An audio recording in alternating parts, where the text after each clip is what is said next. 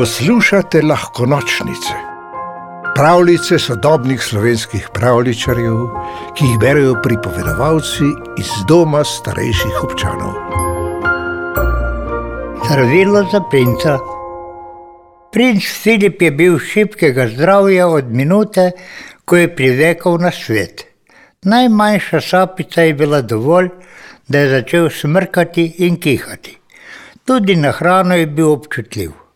Če je použil kaj napačnega, so se po njegovem telesu takoj pojavile srbeče rdeče pike. Še več, začel se je dušiti, brez pravočasne pomoči bi lahko celo umrl. Da bi bila nesreča še hujša, so nanj enako učinkovali tudi čebeli piki. Razumljivo, kralj in kraljica sta storila vse, da bi princa obvarovala pred škodljivimi vplivi.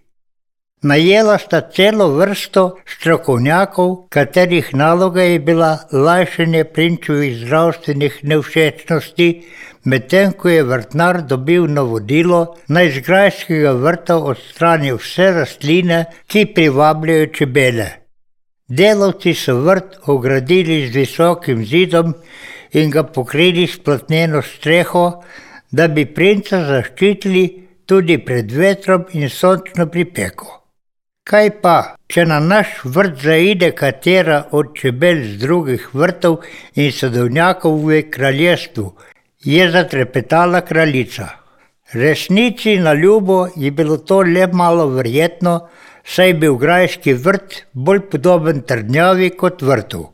Zaradi pomankanja svetlobe so drugo za drugo umirale tudi rastline, ki so se predtem izognile vrtnarjevi roki. Toda kralj in kraljica sta bila preveč zaskrbljena, da bi razmišljala trezno. Torej je kralj nemudoma izdal povelje, naj vsi podložniki se svojih okenskih polic in vrtov umaknijo vse cvetoče lončnice, grme in drevesa. Kdor ukaza ne bo upošteval, bo obglavljen, je pribil. Ljudje so zmajevali z glavo, zvili roke in šepetali. Kralju se je zmešalo, gorje nam, kaj bomo brez čebel. Vaše visočanstvo si je kralju drznilo porekati ena od zdravnic. Če boste ustrajali, da ljudje posekajo vse sadno drevje, bo to škodilo tudi prinčemu zdravju. Prehrana brez vitaminov, kako si drznete, je več zaripel, kričal kralj. Kdo tukaj vlada? Di ali jaz? Poklical je stražo in dal zdravnico odvesti z gradu. Toda prinčevo zdravje se kljub najboljši oskrbi ni ukrepilo. Nasprotno, iz dneva v dan je bil tanjši in prosojnejši. Večino časa je preživel v posteli ali v udobnem naslonjaču, zavit v mehko odejo, ozaljšano zlatimi zvezanim vzorcem. Brezvoljno in muče je zrl prazno. To se ni spremenilo niti, ko sta ga kralj in kraljica zasipala z igračami, o katerih lahko nekraljevski otroci samo sanjajo. Družbo potrebuje, je nekega dne kraljici prišepnila psihologinja. Družbo, se je zgrozila kraljica. Hočete, da se princ Filip od vrstnikov naleže katere od smrtonosnih bolezni? In je iz službe frčala tudi psihologinja. Vikolikor v naslednjih dneh strokovnjakov nista odpustila kralj in kraljica, so odšli sami. Ko princ sčasoma sploh ni več vstal iz postelje, je obupani kralj razpisal nagrado za tistega, ki bi princa pozdravil.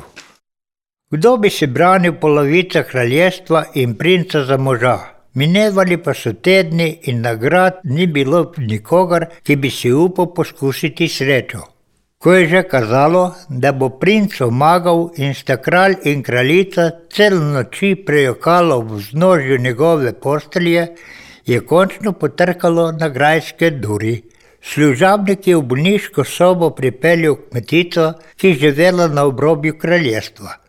V eni roki je imela košaro, pokrito z belim prtičkom, z drugo pa je za roko držala rdečelično deklico, z manjšo košarico v roki. Ven, sta hkrati zakričala kralj in kraljica, ko sta zagledala punčko.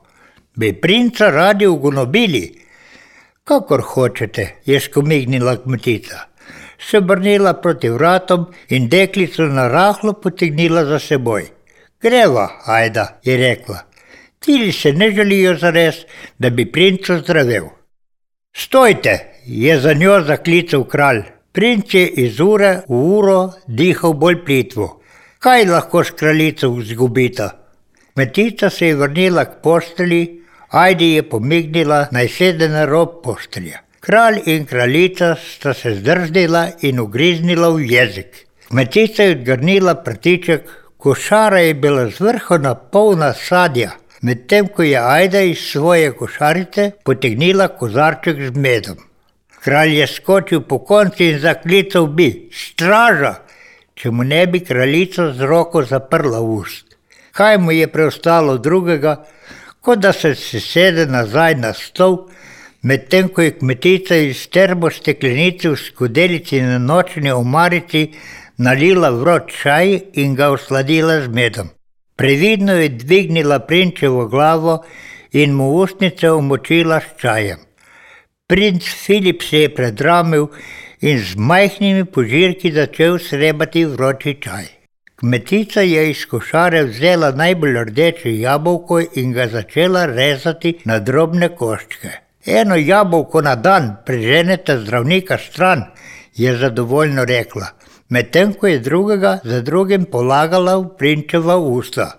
No, zdaj mu pa še zapoj, je rekla Ajdi. Kralj in kraljica sta strmela, ko je princ zaslišal Ajdin glas, se je prvič v življenju nasmehnil. Za danes bo dovolj, je rekla kmetica. Jutri spet prideva. Tako se je tudi zgodilo. Naslednji in naslednji in naslednji dan, dokler si princ ni popolnoma pomogel. Tudi ko se je postavil na noge, ga Ajda ni nehala obiskovati.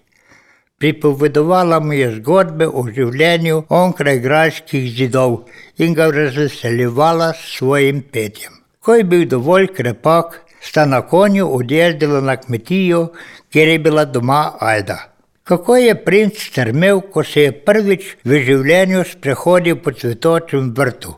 Kako rdeče so se na svežem zraku obarvala njegova lica. Zanj ta zgodba ne bi imela srečnega konca, če Ajdini družini ne bi uspelo ohraniti neokrnjenega vrta, Še dobro, da je sodovnjakom vred segal v sosednje deželo, kjer kraljevi ukaz ni imel moči.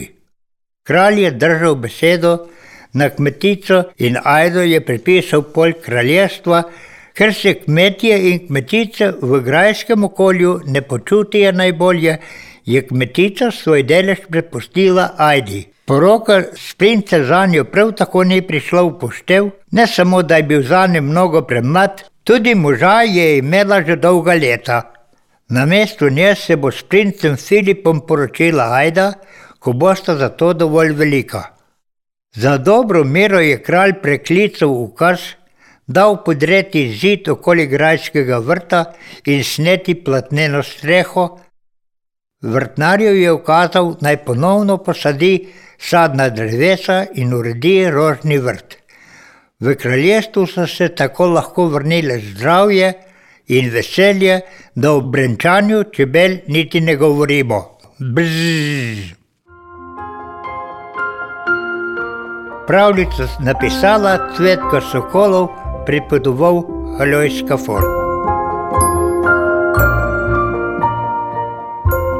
V deželo princesk, zmajev, gozdnih vil in ostalih čarobnih biti ste vabljeni na lahko nočnice, pika si, pa lahko noč.